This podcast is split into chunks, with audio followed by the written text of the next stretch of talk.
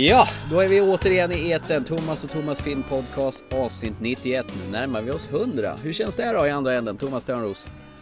Det känns fantastiskt roligt. Mm. Vi får hitta på något kul till 100. Ja, vi får göra det. Ja, vi får... i alla fall något så här. Ja, vi får... special. Vi får väl kanske bjuda in alla vi känner och alla våra lyssnare och sitta och dricka rödvin eller någonting. Det låter... Champagne måste jag ha med ju. Ja, Bollinger. Ja, ja absolut minst. Nej men det, någonting i alla fall. Ja, och se, se tillbaka på vårat eh, tragiska podcastliv. tragiska? Nej, det är ju våran superengagerande stjärna som bara flyger upp i rymden.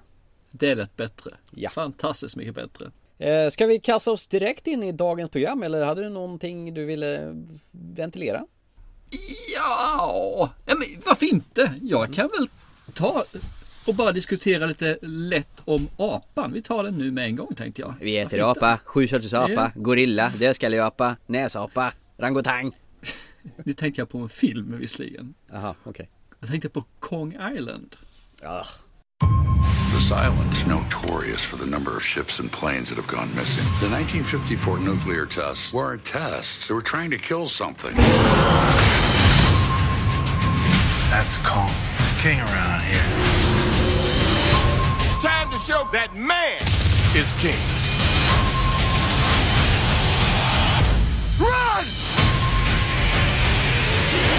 Kong Skull Island, rated PG-13. Experience it in IMAX March 10th.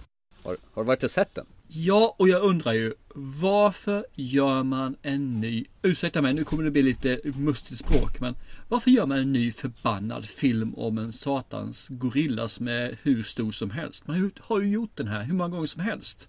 Ja. Men är det sju filmer? Det sista är väl Mr Jacksons då som var sugig. Tre timmars väntan för att eh, apjäveln skulle trilla ner för Empire States Building. Precis, så varför gör man en till? Vet du varför man gör det? Ja, för att eh, King Kong ska vara en del av en större franchise. Ja, fast den här gången gör de det faktiskt med någonting nytt. Jaha. Det är faktiskt helt, ja, de har en ny approach på den. Eh, för det första, King Kong syns ganska tidigt för det första att han gör. Vet du. Mm. Och det blir en rejäl batalj.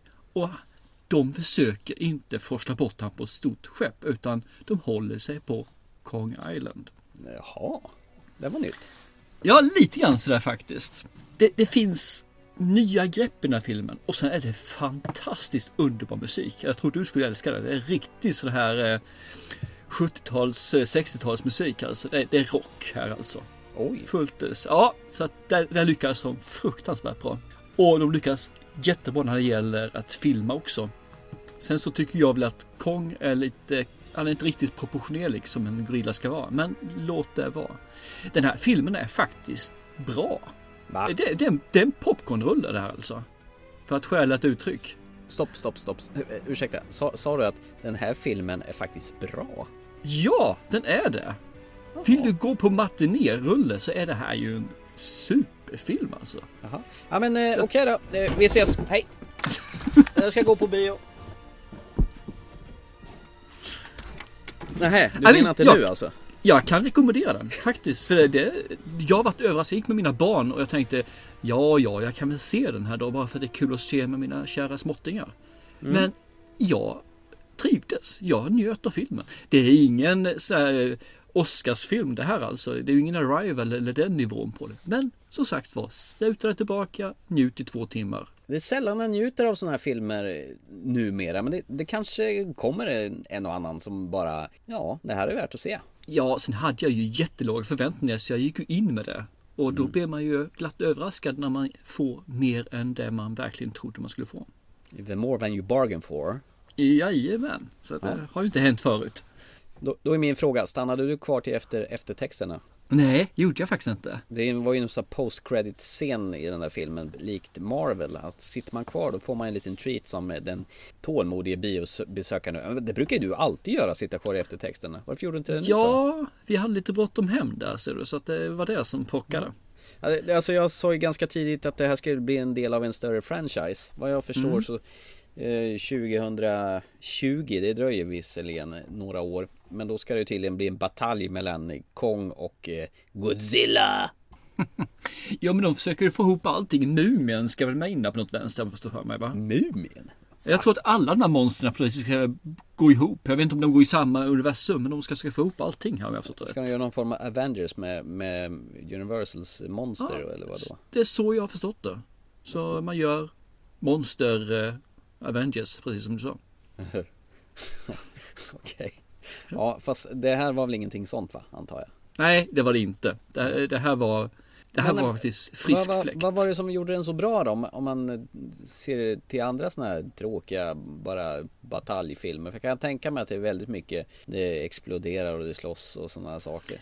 Jajamän, det exploderas, det fightas, det är helikoptrar som flyger bitar som eh, Kong eh, slår ner från himlen och allting. Och det är en del tacky saker. Men det de, de lyckas med är att de får faktiskt actionscenerna att bli bra. De får humorn att passa in ganska okej också.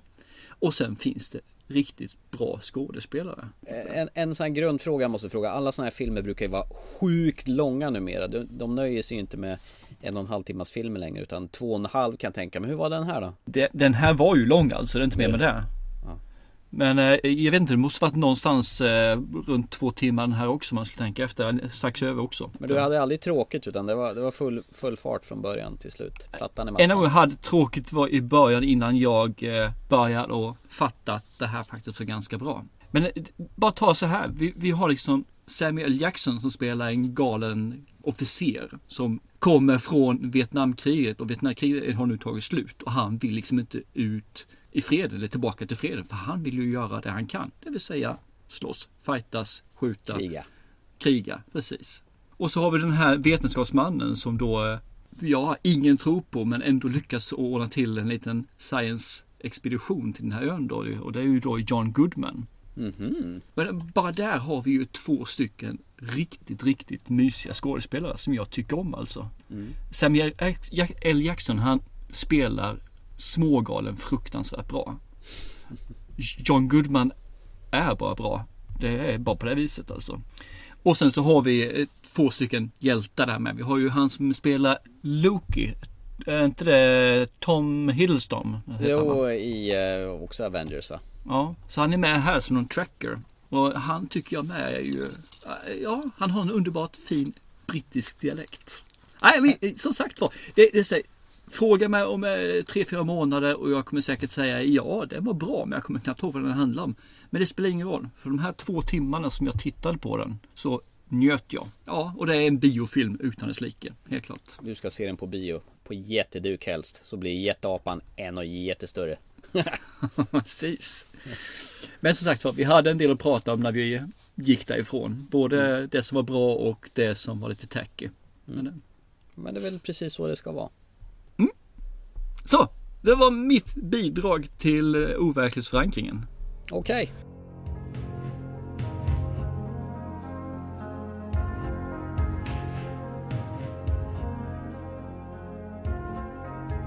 Då går vi över till eh, någonting mer verklighetsförankrat, eller kanske inte. Tom Cruise återvänder till sin andra franchise. Han har ju sin Mission Impossible som kommer snart, film nummer 6.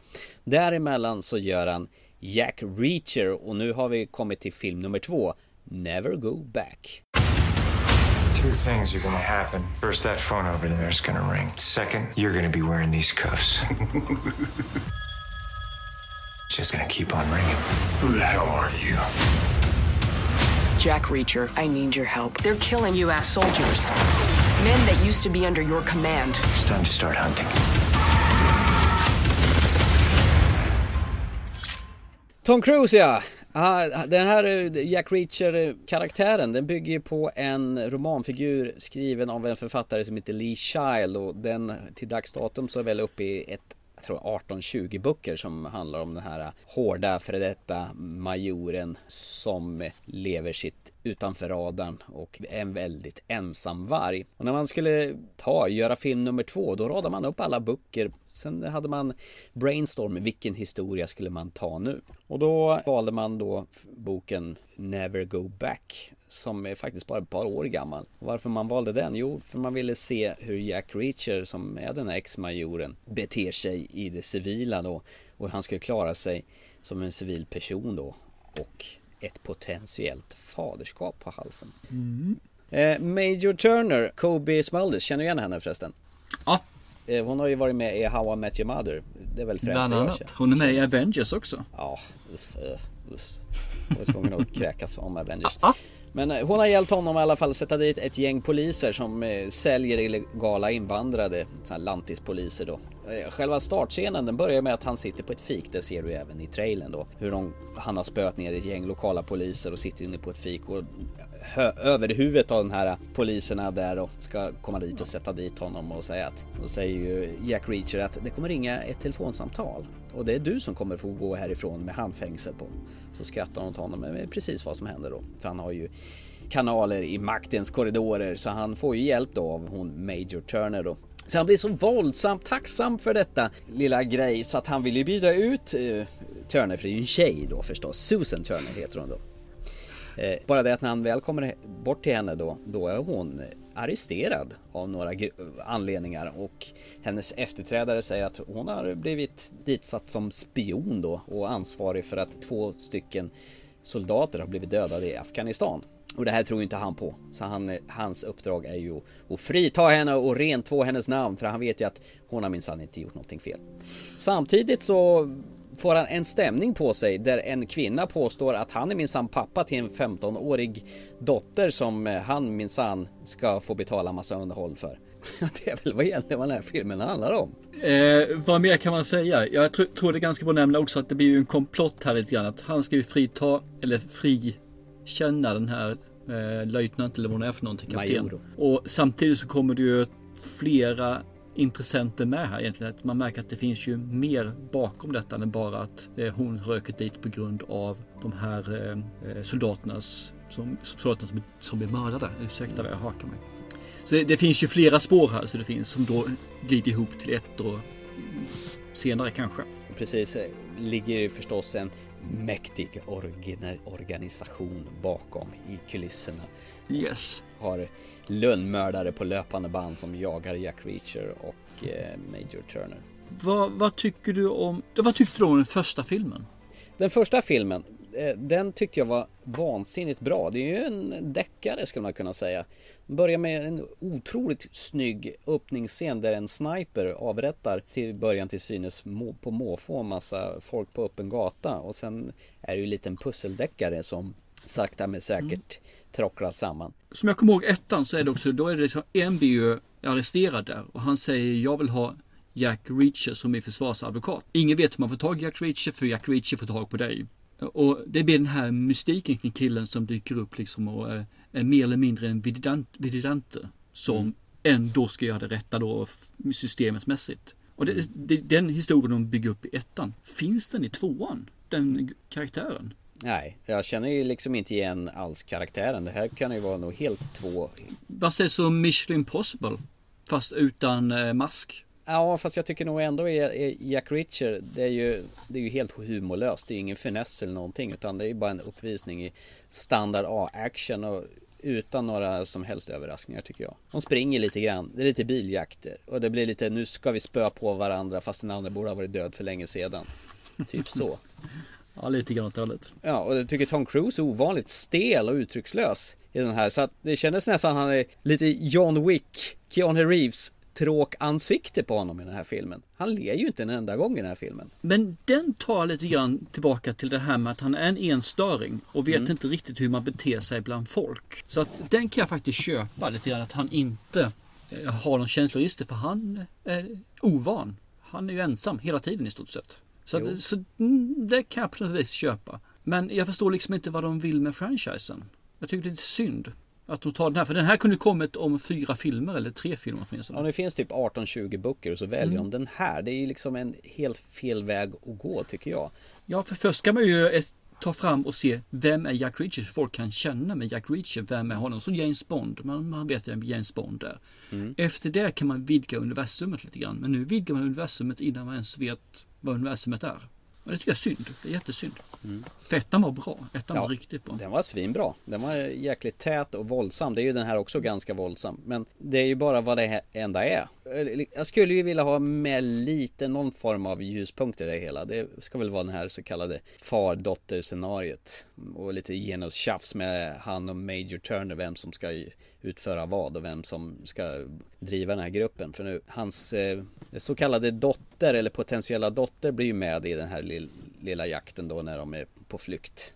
Samantha. Samantha ja, som jag bara tyckte var odräglig. Hon är 15, vad tror du? Ja, men, ja jo det är sant. Hon ska väl vara odräglig tonåring då. Hon lyckas jättebra med det. Jag vet inte fan vad de vill med den här. Det är mycket spring som du säger. De, de är på internetcaféer.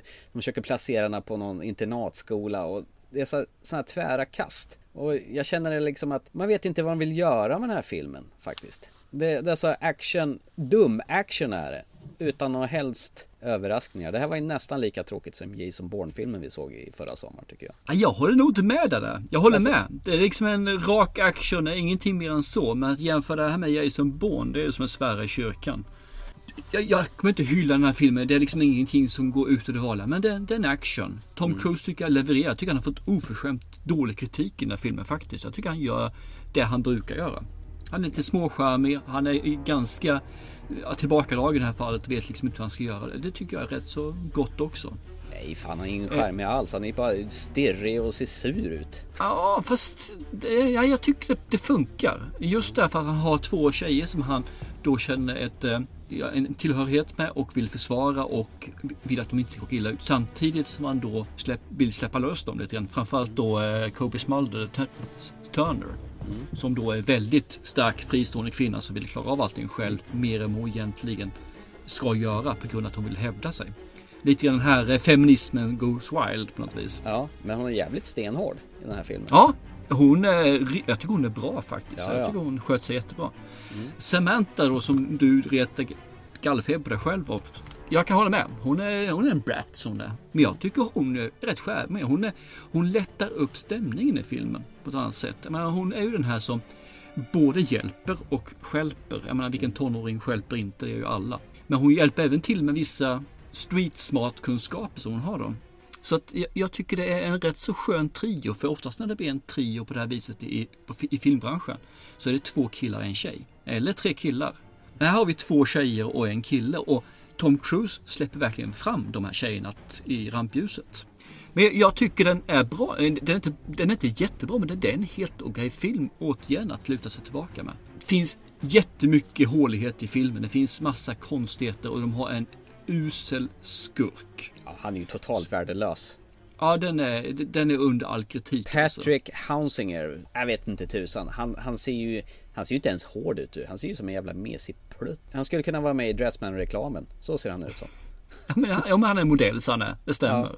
Nej. Nej, jag tycker inte det, det. Det är lite synd. Det hade man kunnat göra på bättre sätt. Mm. Men jag hade inte velat se den här filmen nu. Jag hade velat se den långt senare som sagt. Jag vill veta mer om Jack Reacher. Mm. Det här, han hoppar in liksom från sidan när det är någonting som inte står rätt till. Folk Mm. räcker ut en hand till honom för de är felaktigt dömda eller vad det nu kan vara för någonting. Alla ettan. Mm. Den skulle jag vilja se mer alltså. Den här filmen hade kunnat ligga på is i eh, fyra, fem år till. Ja, de resonerar ju så att han, eh, Lee Childs eh, romaner är ganska fristående. Så de tycker att det spelar ingen roll vilken vi tar. Utan vi kan bara plocka det vi tycker är roligt att spela in då. Och, och det stämmer ju, absolut. ja. Men biopersonerna, biobesökarna, vet inte vem Jack Reacher är. Men, ta och slå fast det först innan vi ska utveckla Ja, ja, etablera karaktären först Ja. innan man kan börja liksom att plocka i godispåsen så att säga. Vi behöver ju ha den här uppbyggnadsfasen så liksom publiken lär känna karaktären ordentligt. Visst, man, lär, man vet ju vem Tom Cruise är men han ska ju ändå försöka göra någon form av karaktär. Precis, där, där stod ju huvudspiken. Alla vet vem Tom Cruise är. Väldigt få vet vem Jack Reacher. Och Tom Cruise säljer filmen. Men då behöver det här inte vara en Jack Reacher-film. Då kan det här vara vilken film som helst.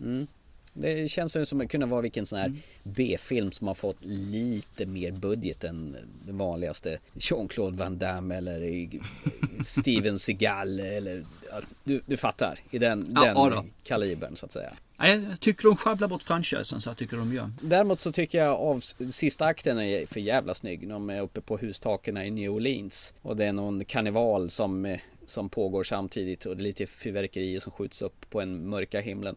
Det, det, det tycker jag man har fått till en jävligt snygg känsla faktiskt. Men eh, för övrigt så tycker jag ändå att det här är... Det är rätt kul för, för det är en av de ställen jag tycker den är rätt dålig. Filmen. Alltså, det är det För enda... de bara springer ju hela tiden. Ja men det är väl en, enda, enda gången i filmen jag tycker den glimtar till. Annars är...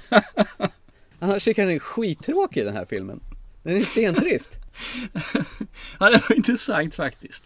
Ja. Jag tycker den är helt okej film, du tycker den är skittrist. Ja. Som du tycker bra, det tycker jag det sämsta med Ja, filmen. och jag tycker Tom Cruise är inte dugg charmig. Alltså, han, har- han är ju som Steven Seagal, han har ett ansiktsuttryck, alla ser likadana ut. Han bara blir gammal. Fan, man måste göra något roligare än det här. Ja, det, det kan jag hålla faktiskt med om att han behöver göra någonting till. Men eh, vi får se. Han Ja. kan ju komma tillbaka och överraska ibland Tom Cruise. Han gör ju lite grann vad han vill göra. Det är ju det som är grejen, han producerar ju filmerna också. Så han är ju med och bestämmer vad, vad, vad det ska vara så att säga och vilka han vill ha med. Så att han har ju jävligt stort inflytande i de filmer han producerar. Han, säger, han gör de filmer han själv vill se. Det är så han resonerar. Det ska bli kul att se när han kör släpper Mumien här i år också. Om han är Mm. lika där eller om han glimmar till. Vi får väl se fram emot också nästa eh, Mission Impossible för ju- han ska tydligen ge sig på nummer 6 här nu också. Kommer väl 2018 tror jag. Så det blir nog mycket roligare för det här tycker jag, nej det var skittråkigt. Jag har redan glömt filmen. Okej, ska vi rappt hoppa in i Värd se eller inte? Ja, kan vi göra. Du kan ju börja. Det här är ju en action. Varken mer eller mindre. Det finns inget drama överhuvudtaget. Det finns lite humor. Men vill du njuta av någonting som bara är fart och fläkt och det här köret. Ja, men den, den duger den här filmen tycker jag. Men det är inte mycket mer. Den, den är helt okej. Tycker du om Tom Cruise så absolut. Då tycker man säkert den här är riktigt bra. Men vill du ha mer än plattityder och ett gulligt leende så tror jag du kan söka någon annanstans. Så ska vi säga en tonåringar tror jag säkert kommer att tycka den är jättebra. Eh, Vi 40-åringar tycker nog som bäst som jag att det är mediokert. Jag mår inte illa när jag ser den. Men två veckor senare så har jag i stort sett glömt bort vad den handlar om. Det är ju det som är problemet. Du har ju glömt vad det handlar om på en kort Ja. stund. Det var ju liksom en, en stunds för, förströelse bara som liksom bara försvinner så fort du lämnar biosalongen eller plockar ur den ur DVD-spelaren, Blu-ray-spelaren. Ja, fast det ska inte förringas det heller alltså. En, en stunds förstörelse är inte alltid fel. Nej. Utan det kan vara jäkligt mysigt att bara rensa hjärnan istället för att bara fånglo och vara tipptopp hela tiden man ser det. Så man ser liksom de här riktigt djupa filmerna som den andra filmen vi ska prata om lite senare, Neon Demon till exempel, eller Arrival som förra året. Menar, de filmerna går ju inte att slappna av där måste du vara aktiv. Här kan du slappna av och bara njuta av sceneriet. Är man ute efter det så tycker jag absolut man ska se den här filmen. Vill du ha något mer så ska du nog se en annan film. Du då? Så, eh, är det nej nej för länge sedan eller? Nej, jag har väl ingenting mer att tillägga. Han, du får ju inte ens ett gulligt leende från Tom Cruise. Han flinar ju knappt någonting i den här filmen. Han, hans mun är igenknäppt som ett blixtlås ungefär. Oskärmigt, tråkigt, långt. Du har ju sett det tusen gånger. Det är ju som du säger, har man sett actionfilm de senaste 30 åren så börjar det mesta bli likadant och dåligt med idéer och det här tillför ju ingenting. Det som var roligt är väl kanske att man får se eh, författaren Lee Child vara med i en liten cameo i den här filmen, även i den första då. Det är tydligen, de ska göra en Hitchcock med detta. Han ska vara med i en liten snutt i varenda Jack Reacher-film, är väl tanken. Okej. Så att, eh, nej, jag eh, ser någonting annat istället. Det här är bortkastad tid, enligt mig. Ja men det är helt okej.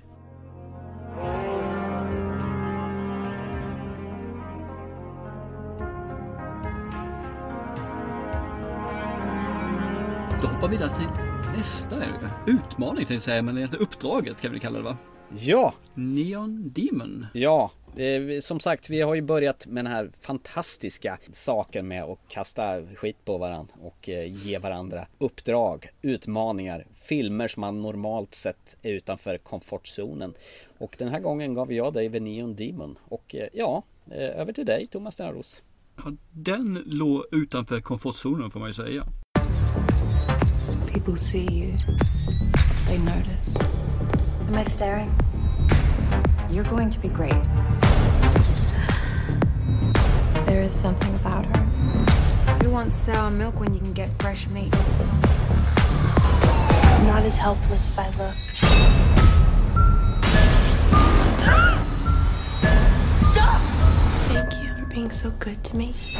The Neon Demon, rated R, in theaters June 24th. Handling, lite snabbt och enkelt. Vi har ju en liten eh, tjej, Jessie, som kommer från en liten landsbygden tror jag i alla fall, i alla fall en småstad kommer hon från. Och söker lyckan i den stora staden för att bli ja, modell. Vi får ju följa henne egentligen för första gången när hon går in och går in till en agentur för att se om hon duger eller inte duger. Ja, inte riktigt första, men det är där vi startar igång i alla fall.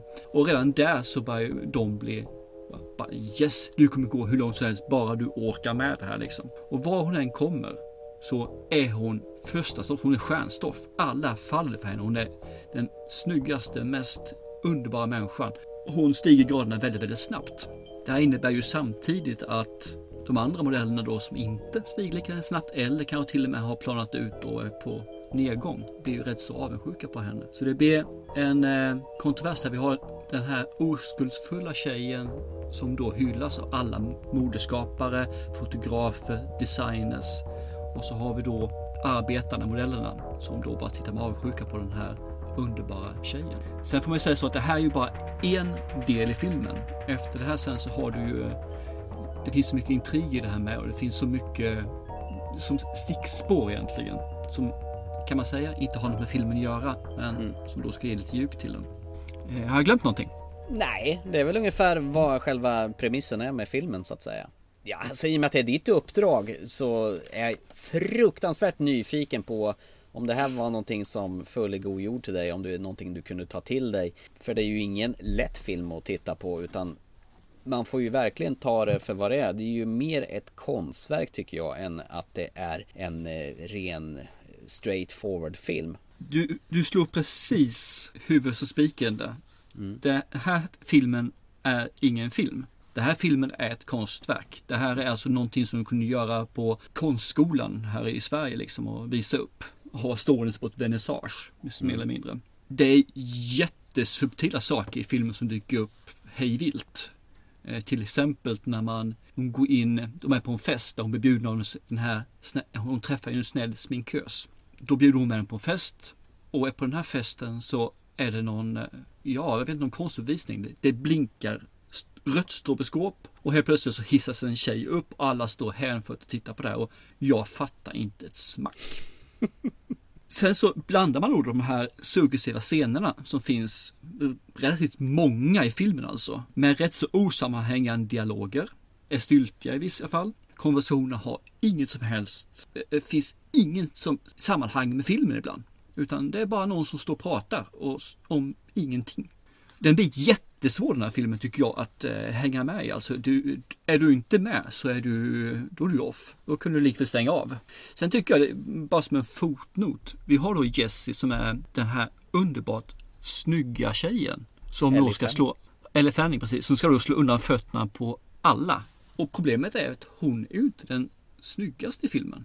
För det är ju faktiskt sminkösen. Det är Jenna Malone ser ju mycket bättre ut. Än vad Den röd, rödhåriga, kortklippta. Ja. För problemet med Ella Fanning är att hon är ju en flicka. Hon mm. skulle likväl kunna spela en tolvåring. Så hur ska jag kunna relatera att hon är snygg? Det, det går liksom inte. Hon är ju sockersöt. Det är det hon är. Ja visst, absolut. Så kan man ju tycka. Men nej, jag vet inte. Jag, jag fick inte ihop det där. Eh, såg filmen. Efter jag hade sett klart filmen så visste inte jag vad jag hade sett. Jag visste inte var det här en drama? Var det här en komedi? Eller vad var det för någonting? Var det en horror? Jag hade inte den blekaste. Och nu är det, är det en vecka sedan jag såg den ungefär. Och den är fortfarande lika konstig. Och, och det innebär att jag, jag kan inte rekommendera den här filmen till någon jag inte känner. Jag kan inte tycka illa om filmen, men jag tycker inte heller om den. Vilket moment 22 det blir då. Precis. Och ja. anledningen till att jag säger på det här viset är för att jag vet inte vad jag såg. Jag har inte det blekaste vad så. Det är ett konstverk som jag inte... Det finns inte någonstans en nivå på den här filmen där jag känner att här har jag fast mark under fötterna. Mm. För hela tiden glider undan för mig. Så jag kanske får se om den här för att kunna säga vad jag tycker om den. Jag vet att jag inte kommer att se om den. För jag har ingen känsla för den. Och därför kommer det bli så här. kommer det bli den här Mona Lisa, den ofullständiga filmen för mig som jag inte vet riktigt vad det är jag har sett eller vad jag tycker. Får jag fylla i lite grann då? Mm? Hur, hur jag upplevde den då? Ja, absolut. Jag hade faktiskt börjat sett på den här filmen när jag gav dig uppdraget. Jag sa att jag inte hade sett den, men jag hade börjat sett den och jag såg det Liar. konstiga, det bisarra. Ja, men jag ljuger ju ofta, nu märker du när jag somnar på bio och sådana saker. Regissören heter ju Nicholas Winding Refn. Han är ju en dansk, han måste ju vara släkt med den här Garna Lars von Trier kan jag tänka mig, för de, de gör ju bisarra filmer faktiskt. Han har ju gett oss tidigare Drive med Ryan Gosling, den, den gillar ju både du och jag antar jag. Mm. Och sen eh, Only God Forgives som är ännu knepigare. Den här är väl den knepigaste av de filmerna han har gjort. Ja, för Only God Forgives är ju en, eh, det är ju barnprogram jämfört med den här. Ja visst, det här är ju liksom eh, Babel i eh, SVT upphöjt i 2000. Men det, det är som du säger, har du tänkt på att varje scen är så jäkla iscensatt som, som du ser i kameran. Man har tänkt på varenda liten detalj.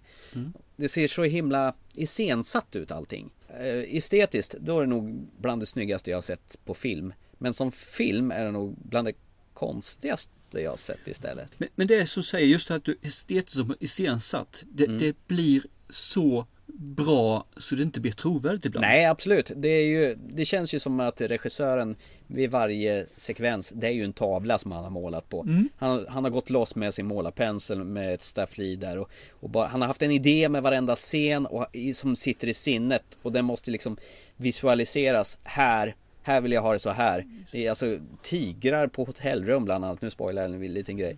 Det är jätteknäppigt.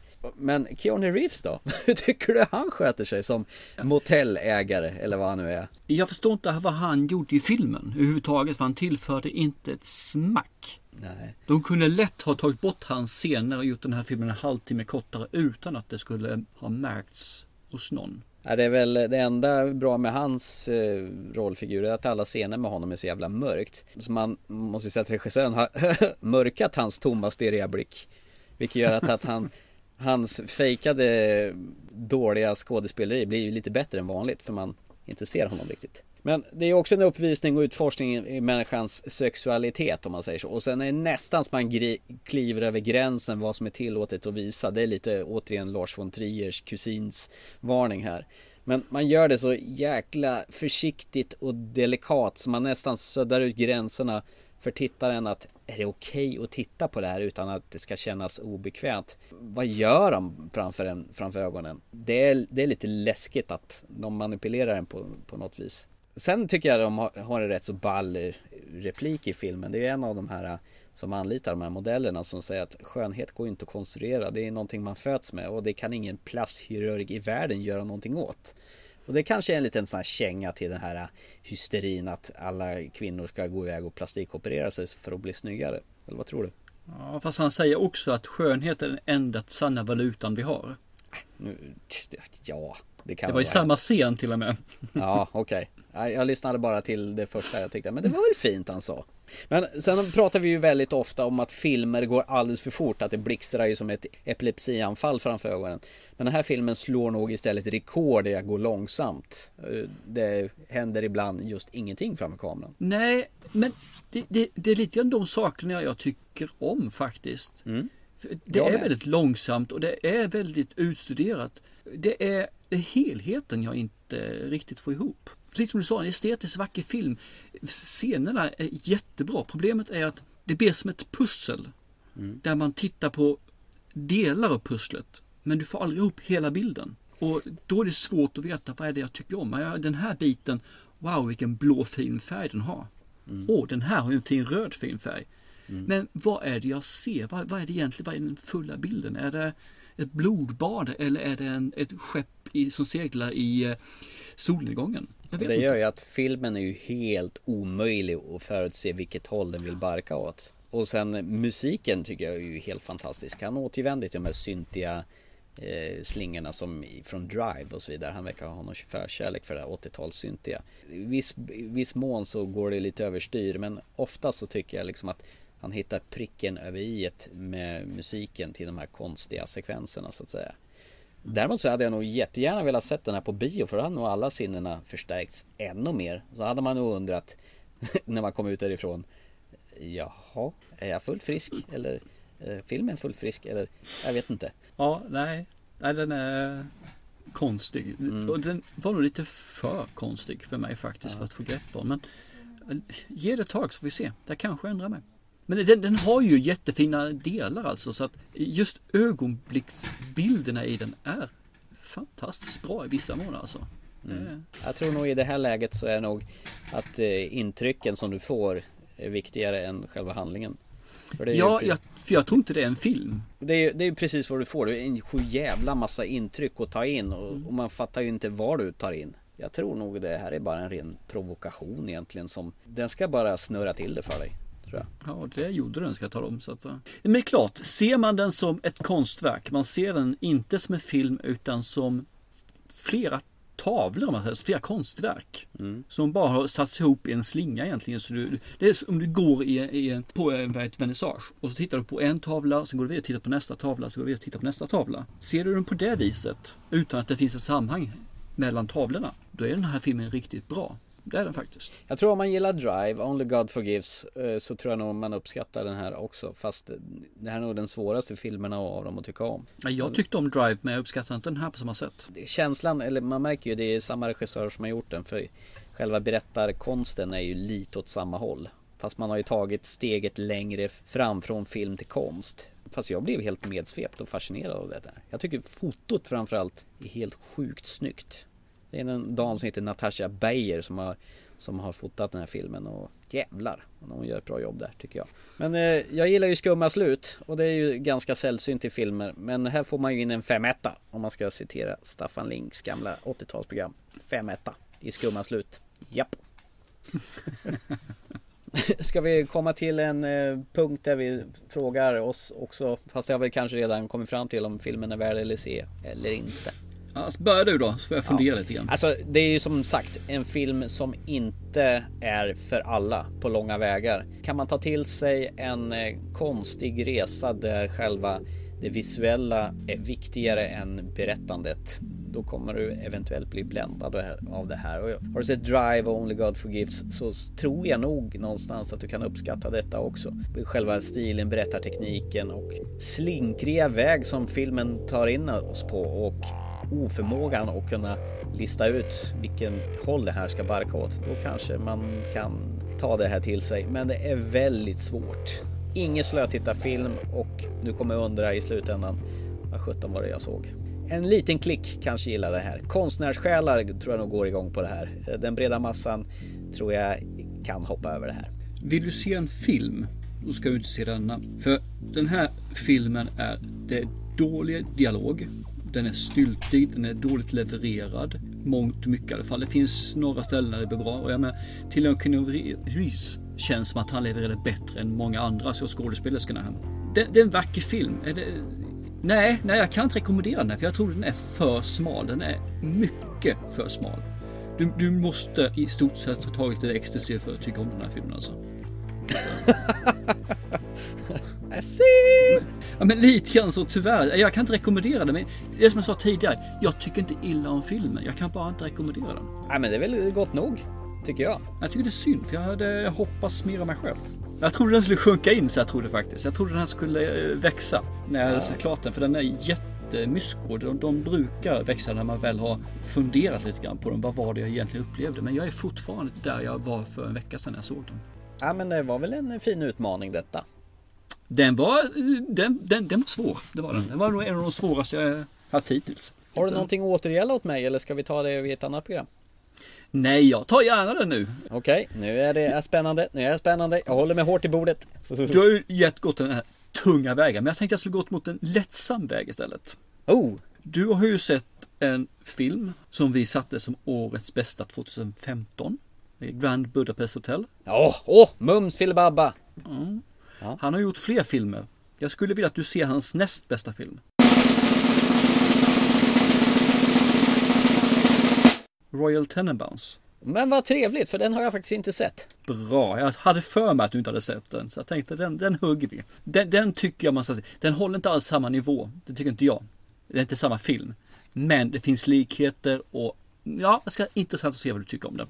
Mm. Ja men gud vad kul. Jag har varit på väg massor, massor med gånger och se Royal Tenenbaums. Men jag har inte kommit ut för att göra det faktiskt.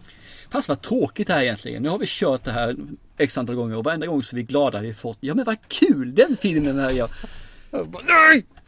Nästan, nästan för att köra sjunde inseglet eller något sånt där sak alltså. Jag har gått vid din sida länge. Det spelar schack med döden. Det eller 50 grader och grått eller vad det är.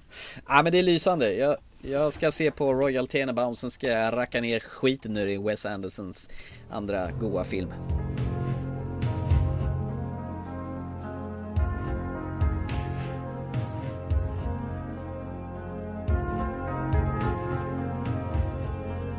Men hörru du, nu Yes. måste vi bli djupa en liten stund här.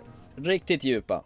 Vi går från konstigt till lättsamt och nu till djupt. Ja, tungt skulle jag vilja säga. Är det sjödjupt? Ja, det, det var ju faktiskt pricken över i-et. Casey Affleck, han vann ju bästa manliga huvudroll för filmen eh, Manchester by the Sea. Hello, this is Lee. What happened to my brother? So that's the Lee Chandler. I don't understand. Which part are you having trouble with? Well, I can't be his guardian. Well, your brother provided for your nephew's upkeep. I think the idea was that you would relocate. Relocate to where? Well, if you Here? look, it was my impression that you'd spent a lot of time here. I sweetheart. I'm just a backup. Lee, nobody can appreciate what you've been through. And if you really feel you can't take this on, you know, that's your right. Where are we going? To the orphanage? Shut up. Get in the car. Can't obey your orders until you unlock the door. Whatever you decide, he can always stay with us if he wants to come up weekends. Do you want to be his guardian? Well, He doesn't want to be my guardian, for Christ's sake. got a house full. We're trying to lose some kids at this point. house? Hello. Hello, Lee? I just went to call and say I'm sorry. Uh, how's Patrick doing? Well, he doesn't really open up with me. Do you actually have sex with these girls? Strictly basement business. What does that mean? It means I'm working on it. You don't want to be my guardian? That's fine with me. Not that. It's just the logistics. All my friends are here. I got two girlfriends, and I'm in a band. You're a janitor in Quincy. What the hell do you care where you live? Så, det var trailer där tror jag. Eller någonting. Ja okej, ja, jag hörde det. Jag tyckte jag hörde någonting. Så att, mm. Okej. Den Ehm, var rätt bra den trailern faktiskt, men lite ovanlig. ja, eller hur? Ehm, Manchester by Sea, har du sett den? Nej, men den ligger på min att göra-lista. Så fort eh, jag har möjlighet att få den på en liten skiva så ska jag se på den. Mm. Jag och min sambo hade ju tillfälle att titta på denna film. Och det handlar om Lee, en, eh, ja vad är han idag? Han är sån här allt i allo och jobbar för- en fastighetsägare som har några hus. Han är rörmokare i princip, håller på och lagar folks läckor. Har väldigt alldagligt liv. Han är, har isolerat sig från omvärlden. Han har inga vänner överhuvudtaget utan han gör sitt jobb. Han är inte speciellt trevlig. Han är otrevlig mot sina, de här hyresgästerna han hjälper till. Så att eh, när han tycker att de blir besvärliga då käftar han emot och så vidare. Så han får skäll av sin chef. Eh, han har en storebror som har eh, problem med hjärtat och i, i det här läget så, så dör storebrorsan. Så att han är tvungen att åka tillbaka till sin hemstad där eh, hans brorsas son finns kvar då och måste meddela att, br- att brorsan har dött då i, i hjärtattack. Och eh, utan att han vet om det när han kommer dit så är, är han utnämnd som förmyndare för eh, hans brorson i, i brorsans testamente. Och det är ju inte eh, Lee alls med på. Och när han kommer tillbaka till den här lilla stan då, Manchester, det är inte i, i England utan det är i USA, någon liten stad som heter Manchester. Så börjar själva hans liv nystas upp då och alla minnen kommer tillbaka. Och det här är en film som initialt, man fattar liksom inte hur hänger det här ihop? Det är bara att det varvar med nutid och tillbakablickar och tillbakablickarna bara ramlar på en utan man fattar initialt att det är tillbakablickar. Men det är gjort på ett jäkligt snyggt och smidigt sätt inser man när man väl lär sig själva tankegången och hur det berättas. Och det är väldigt få närbilder. Kameran håller sig på avstånd, som en, ja, ungefär som du står och tittar på. Så att bilderna får tala för sig själv ibland och musiken är så suggestiv. Och ju mer man eh, får reda på den här bakgrundshistorien, ju mer gör det ont att se på den här filmen. Alltså det är helt fantastiskt bildberättande och det är så långsamt och intimt. Du kommer in på skinnet på själva den här karaktären och, och du känner med honom. Alltså vissa scener, det gör så ont att titta på så att det knyter sig i magen. Jag, jag får ångest. Jag kan säga det var, det var så länge sedan jag blev drabbad av en film med en sån våldsam kraft att Nej fy fan, jag kan erkänna att jag grät flera gånger i den här filmen och efteråt också. Alltså det här var ren skär ångest men ändå så fruktansvärt bra. Eh, och Casey Affleck, han var helt klart värd en Oscars för den här bästa manliga huvudrollen. Okay. Om du skulle jämföra med en annan film som tidigare som har drabbat dig lika hårt då, finns det någon sån? Jag kan inte komma på någon, det är det som är så sjukt alltså. Och efteråt, alltså jag, jag kan inte för, förklara, alltså jag mådde så sjukt dåligt av den här filmen och ändå är filmen så våldsamt bra men den berörde mig på ett sätt som jag, aldrig, jag kan inte komma på när jag såg en film som jag blivit så drabbad av. Det var som en stor psykologisk käftsmäll eller en smocka rakt i magen. Sjukt bra, så han var helt klart värd Oscarsen. Det var, okay. nej, fantastiskt bra. Och bra skådespelare rakt igenom och grejen är det att det är inte så här påklistrat som det kan vara i vissa grejer att folk ska hålla på läsa brev för andra för att det ska bli sorgligt utan det blir sorgligt på ett naturligt vis. Nej, en helt fantastisk film. Jag, jag, kan inte berätta speciellt mycket om det här för att den här måste man uppleva. Du låter lite grann som jag efter Arrival. Mm. Lite exalterad över filmen, upplevelsen av filmen. Ja, precis. Jag har nog aldrig upplevt sån här ren skär ångest på ett sånt här vis tidigare. Jag har aldrig varit med om att man har lyckats förmedla det på ett sånt sätt att man vid scener när alltså skådespelare står liksom och pratar med varandra. Han, nej det är ju helt sjukt alltså hur man bara känner hur det knyter sig i magen på en och man liksom vill hoppa in i filmen och ge honom en kram. Typ. Frågan, det här är ju då riktigt dyster kvist till filmen. Så ja herregud, det är så dåligt. långt ifrån feelgood du Men kan komma. när ska man se en sån här film? Det är aldrig läge att se en sån här film egentligen när man tänker efter. Det är två timmar och 17 minuter lång. Och det är ett våldsamt tungt drama som du absolut inte kommer må bra av. Men det kommer beröra dig så våldsamt mycket och du kommer känna någonting och du kommer känna att det här är varför du gillar att se på film. Det här är ren filmmagi. Det här är alltså sättet de får dig att känna på. Det är helt unikt. Det gör ju liksom en filmer som Jack Reacher. Det blir ju det blir så obetydligt så det finns inte. Nu är det ju en helt annan typ av genre så man ska ju helst inte jämföra men men berättartekniken och konstverket, eh, hantverket är ju helt fenomenalt. Det är en regissör som heter Kent Lonergan som har gjort den här.